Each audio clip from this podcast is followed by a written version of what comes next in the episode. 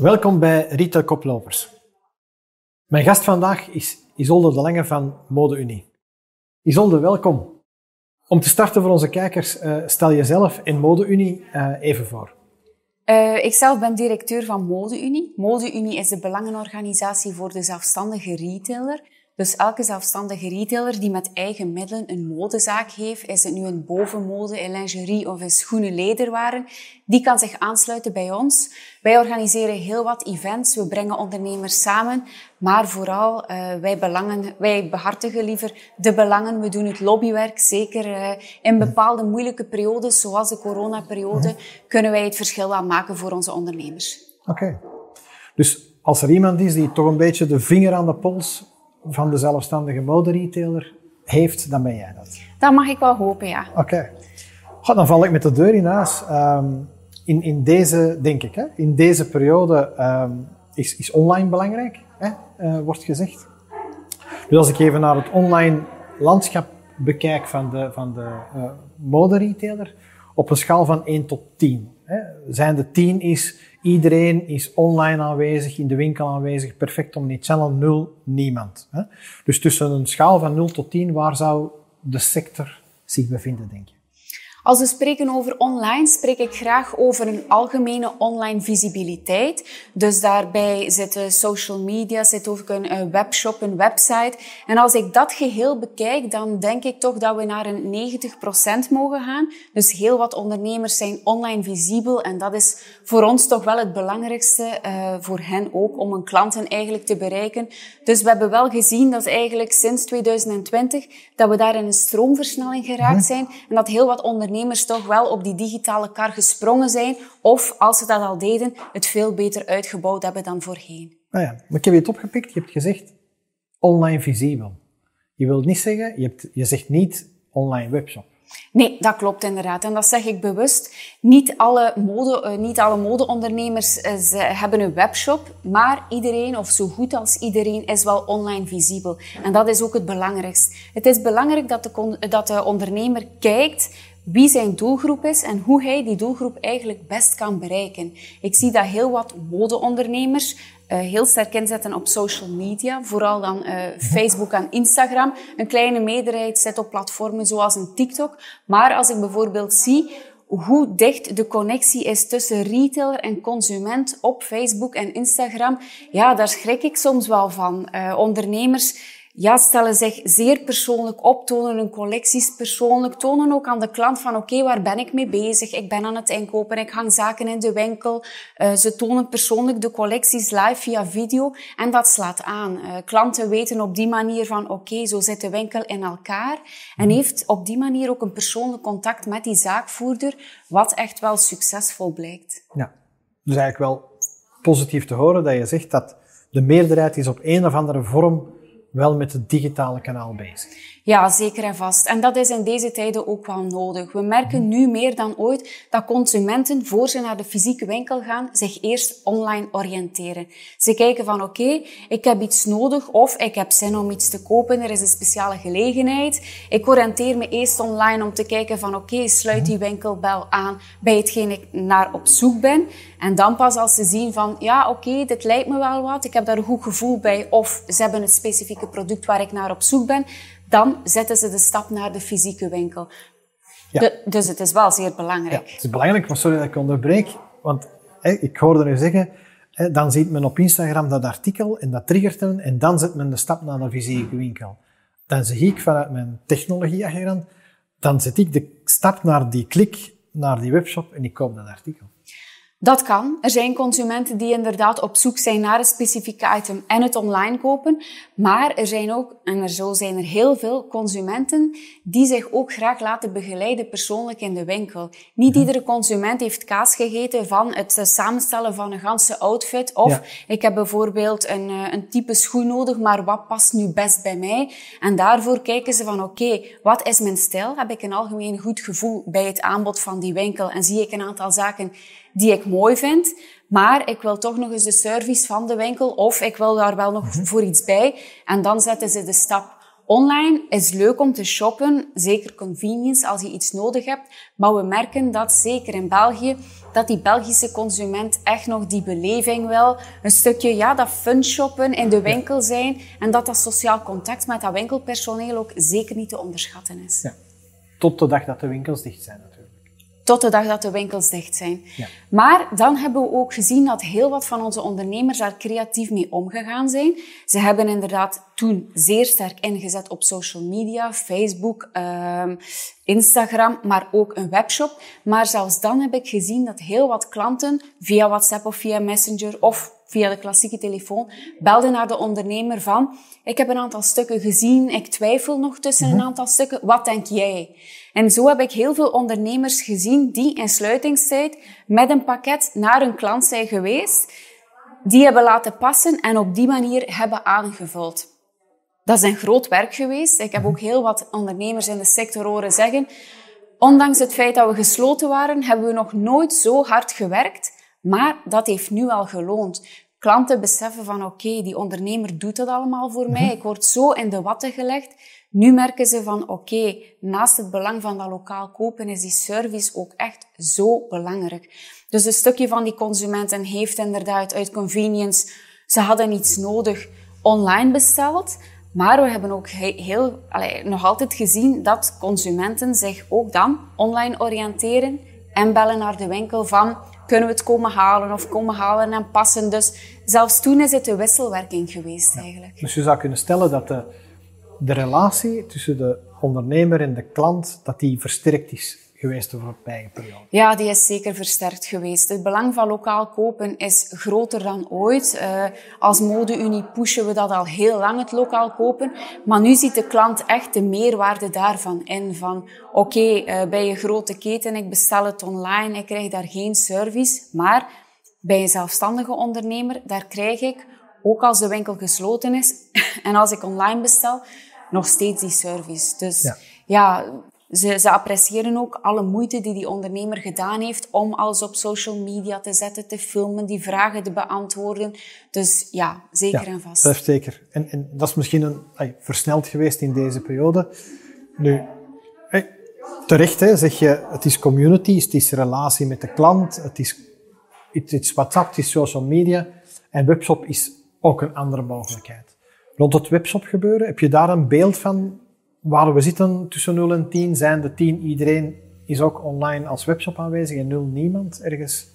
Ik denk dat we daar voor de zelfstandige mode detailhandel, als ik voortga op onze enquêtes, zetten we daar op een 30% van onze ondernemers die effectieve webshop heeft. Ja.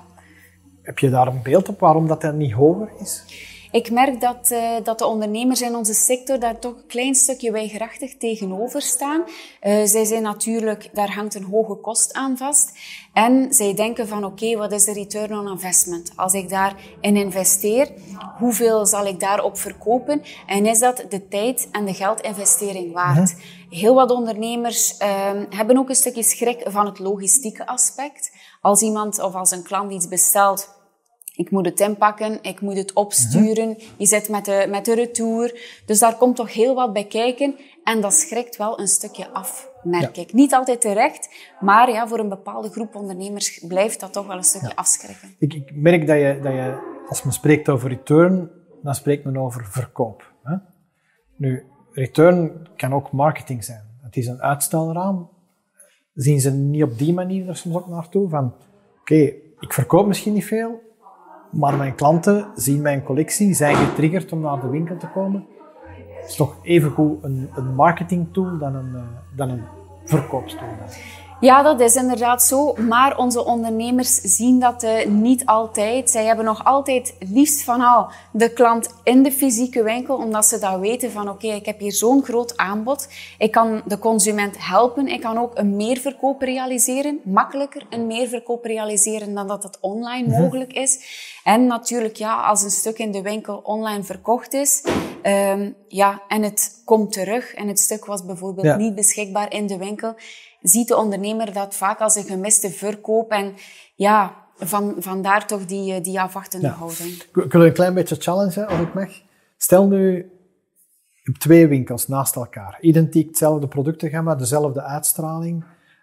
Eén uh, winkel heeft dan een webshop en de andere niet. Staat die met de webshop dan toch niet een streepje voor in bepaalde gevallen? Het hangt ervan af. Je zal zeker een streepje voor hebben als mensen zoiets hebben van oké, ik moet dat product nu hebben. Dan heeft hij een streepje voor.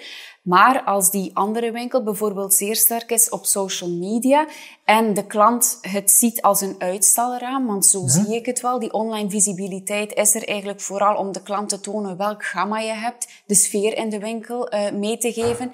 Ja, dat staan ze op gelijke hoogte. Maar het hangt natuurlijk af van de doelgroep die de ondernemer heeft. Uh, heeft de ondernemer een doelgroep die zeer snel zaken wil, um, die daar heel veel belang aan hecht om onmiddellijk een product te hebben, ja, dan kan je, of die bijvoorbeeld zegt, ik heb geen tijd om te shoppen of ik doe het liever niet. Zo zijn er mhm. ook bepaalde segmenten.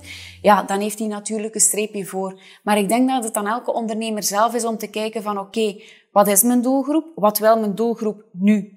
En waar voel ik dat het zal, um, naartoe zal gaan op termijn? En dat hij daarop inspeelt. In bepaalde segmenten heb je echt een webshop nodig. Maar in andere segmenten is dat misschien nog minder aan de orde. Het is een stukje aan de ondernemer om te zien van oké, okay, um, wil ik het zelf doen? Voel ik mij daar comfortabel bij? En waar evolueert mijn doelgroep eigenlijk naartoe? Ja. Dus de afstemming op de doelgroep is natuurlijk wel, wel cruciaal. Ja, ik denk dat dat echt cruciaal is, zowel in alle aspecten van de winkel, van beleving, van aankoopbeleid, het type van uh, online visibiliteit die je kiest, een webshop, een webshop, social media, website, dat het totaalplaatje wel klopt met de doelgroep die je aan wilt trekken. Mhm. Anders uh, zit je met een probleem, denk ik. Ja, ja sowieso. Hè. dat heeft niks met digitaal te maken, dat heeft te maken met hoe dat je de business van, van retail aanpakt natuurlijk. Voor die multimerkenwinkels spelen de leveranciers daar, daar een rol? Leveranciers kunnen daar wel een rol in spelen op verschillende niveaus. Als het bijvoorbeeld gaat over online verkoop, kunnen leveranciers een grote rol spelen door al mooi um, fotomateriaal aan te leveren. We merken dat dat nog steeds niet altijd even vlot gebeurt, wat wel jammer is natuurlijk. en we zien ook vaak samenwerkingen tussen leveranciers en winkels. Bijvoorbeeld als het gaat over reclame. Een leverancier maakt reclame in een bepaald um, medium, regionaal of niet regionaal. Zet daar een aantal winkels bij, maakt een referentie. Op die manier kan het. Maar het kan bijvoorbeeld ook van een volledig andere orde zijn. Een winkelier gaat aankopen bij een leverancier en ziet daar van oei, die collectie sluit helemaal niet aan bij de doelgroep van het merk. En we zien dat vooral Belgische merken daar, daar eigenlijk zeer gelukkig vatbaar mhm. voor zijn. Dat de retailer kan zeggen tegen het merk van kijk, dat draait goed, dat zal niet goed draaien. We voelen het zo aan, hè, dat wil de consument wel of niet. En dat de leverancier daar eigenlijk ook op in kan spelen. Dat kan gaan van pasvorm naar uh, grootte of diepte van de collectie. En we merken dat Belgische leveranciers ze hebben al een, eh, een, een goede voeling met de Belgische consument uiteraard. Maar zij staan echt wel open voor die, ik zou het geen kritiek noemen, maar ja, constructieve opmerkingen van die retailers. En dat kan enkel bijdragen natuurlijk aan die collectie, want het is de retailer die dat moet verkopen en het natuurlijk in eerste hand uh, merkt. Ja. Maar de, de, de fabrikant, leverancier, is, is, is eigenlijk mee verantwoordelijk voor het succes van zijn product.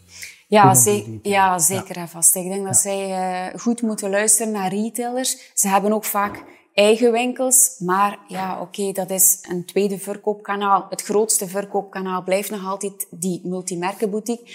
Dus ze hebben er ook alle belang bij ja, om te luisteren naar die retailers. Want ik mhm. merk ook meer dan ooit, retailers kochten vroeger met een relatief vast budget een aantal merken aan, dat daar een stukje shift in zit. Uh, onze leden, retailers, kijken van oké, ik wil een aantal nieuwe merken, zijn er jonge designers.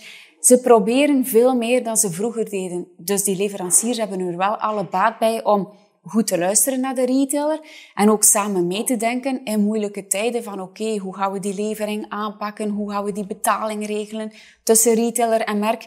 Ja, om ook die band goed te houden. Want als dat niet zo is en die retailer is echt niet tevreden, ja, dan blijven zij de mhm. dag van vandaag niet. Ja. En retailers onderling, zien zij onder uw leden elkaar erg als competitie of, of zie je eerder samenwerkingen?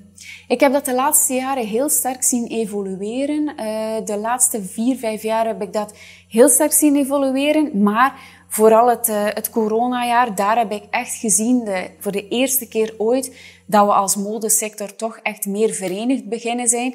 En dat iedereen nu ook wel beseft, of de meeste van onze retailers, als we informatie delen met elkaar, dan komt dat ons allen te goede. Het is natuurlijk, zoals het voorbeeld dat je daarnet aanhaalde, als je twee winkels in dezelfde straat mhm. hebt met hetzelfde aanbod, is dat moeilijk natuurlijk. Maar we hebben leden over gans Vlaanderen en we zien dat daar echt wel vlot uh, eigenlijk ja, ervaringen uitgewisseld worden. We merken dat ook. We hebben ons eerste uh, online webinar achter de rug rond ervaringsuitwisseling. We organiseren heel wat inspiratietours en andere netwerkmomenten. En daar zie ik dat onze leden, zelfs als het aankomt op cijfers, zeer transparant zijn met elkaar. Als we ze weten van oké, okay, dat, dat kan in een open sfeer. We begeleiden dat vanuit Mode Unie goed. Ze weten van, als ik zelf informatie prijsgeef, krijg ik ook informatie. Ze leren van elkaar. Het geeft ook een stukje geruststelling. Draait dat bij jou goed? Draait dat bij mij ook goed? Of omgekeerd? En bijvoorbeeld als iets bij mij niet goed draait en bij u wel, hoe komt dat? Ligt dat aan de regio? Ligt dat aan iets dat ik doe in de verkoop? Ah, wat ligt het? En op die manier kan je je eigen zaak eigenlijk bijstellen.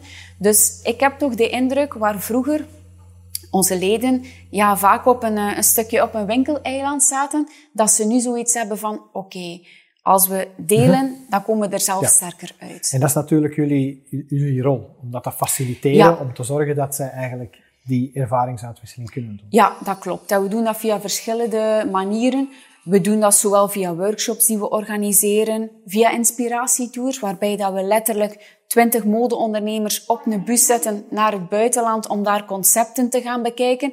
En we proberen dan ook de gesprekken op gang te brengen. Maar meestal hoeven we niet te veel te faciliteren. Uh, iedereen is zo blij van, oké, okay, we kunnen die ervaring in een uh, positieve sfeer uitwisselen, dat dat ook gebeurt. Dus, ja. ja. ja. dat is uh, goed om te horen, denk ik. Ja, ja, zeker en vast. Ja, want het is een, een, sector met, met de nodige uitdagingen om het Zeker en vast. Het is een sector met de nodige uitdagingen, maar ik hoor altijd, als ik dan onze buurlanden hoor, dan spreken die altijd, eh, de online verkoop en die zal blijven stijgen. Daar geloof ik minder in, in België. En waarom niet? België is zeker Europees het meest vertakte uh, landschap als het gaat over moderetail. Er zijn nergens zoveel modewinkels per, op, allez, per vierkante mhm. meter per inwoner als in België. En dat, die proximity, die nabijheid, dat maakt net dat daar kleine drempel is, of bijna geen drempel, voor die consument om naar die winkel te gaan. Als we Frankrijk zien en je moet daar bijvoorbeeld naar een lingeriewinkel, ja, daar moet je al 50 kilometer rijden voordat je een zelfstandige lingeriewinkel vindt. Mhm. Hier, en zo goed als ieder dorp heb je dat. Dus die nabijheid zorgt ervoor ja, dat we graag fysiek shoppen. We zijn het zo gewoon. Er hangt ook een handse beleving rond. Dus één, dat zal zeker niet wegvallen. En dat zal ook niet overklast worden door online. Dat online kanaal heeft nu een stukje geboomd natuurlijk met de sluiting van de winkels. Maar eens alles terug open is, eens de horeca open is, eens dat die totaal beleving terug kan, dan zal de consument zo blij zijn om terug te kunnen shoppen. Dat online dat zal wel hoger zijn dan dat het voor de coronacrisis was. Maar dat zal ook terug afvlakken. We hebben dat gezien na de eerste lockdown. Toen we terug open gegaan zijn, waren die consumenten zo blij dat het resultaat voor ons veel positiever was dan eigenlijk verwacht. En toen de horeca een maand later open geweest is, hebben wij dan eigenlijk wel goed gedraaid. Oké, het seizoen kon niet meer opgehaald worden. Nee, twee maanden sluiten, dat dat alleen niet meer op. Maar we hebben er toch wel nog iets moois van gemaakt. En dat toont aan, en we merken dat ook aan die consument. Ja, als alles weer kan, als we ons weer vrijer mogen begeven, dan komt dat wel. Die online verkoop die blijft zeker en vast. Maar die zal niet pieken zoals bijvoorbeeld in de ons omringende landen. Zij hebben een gans ander... Um, landschap van, voilà, van landschap. Voilà, is dat. Dus daar staan we zo sterk in. Ja. Zolang dat, dat er genoeg omzet blijft voor al die winkels natuurlijk. Ja, inderdaad, dat klopt. Ja, dat is natuurlijk het, het, het, het, kantelpunt. Vanaf welk moment is het niet, net niet genoeg? Dat, ja. is, dat is de uitdaging natuurlijk. Dat klopt inderdaad. Maar ik zie dat onze ondernemers daar ook wel flexibel in zijn. In die zin, zij passen een aankoopgedrag aan. Als ik bijvoorbeeld kijk naar de seizoenen, als het winter is, we hebben geen winter meer, winters meer zoals vroeger. Is. Zij kopen een stukje minder mhm. echte winteritems aan, veel meer tussenseizoenstukken. En zij anticiperen ook bijvoorbeeld, ja, nu met die, met die crisis, we weten niet goed wat of hoe, en we zien dat onze ondernemers voor de twee seizoenen, nu het zomerseizoen en het winterseizoen dat komt, toch 25, 30 procent minder in hebben gekocht. Dus het is niet, ja, we hadden ons wel een stukje eraan verwacht. Dat het zo slecht ging zijn, nu misschien niet. Maar oké, ondernemers zijn nog altijd ondernemers. Ze zijn daar zeer creatief in. Dus, Ja. ehm, Oké, goed om te horen. Ehm, ja, merci voor al die eh, inzichten en die vinger aan de pols. Hè. Ehm, is er nog één gouden tip die je kan meegeven voor onze kijkers van naar de modewinkels toe, of naar retail in het algemeen eigenlijk, eh, dat je zou kunnen delen? Ik denk dat je als ondernemer echt zeer goed moet beseffen van oké, waar wil ik zelf naartoe en wel, waar wil mijn doelgroep naartoe?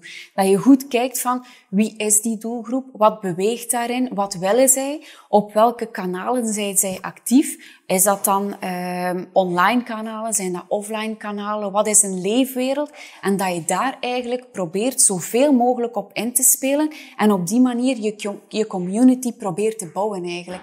En als je daarmee bezig bent, bijvoorbeeld op social media, eh, maar ook in de winkel. Denk dan niet alleen, hoe moeilijk ook als ondernemer zijnde, ik wil alleen maar verkopen. Maar probeer mensen ook een goed gevoel te geven, een soort van positieve sfeer te creëren, dat als ze niet kopen, online of offline, dat ze die, ja, dat goed gevoel en die sfeer wel houden. En de volgende keer, dan zullen ze wel kopen. Maar dat je eigenlijk een verhaal rond je winkel vertelt en eigenlijk een klantenbasis hebt die fan is van je winkel en op die manier ja, terugkeert en je ze kan binden aan de winkel. Ik denk dat dat eh, toch wel een grote boodschap is, zeker in, in deze tijden.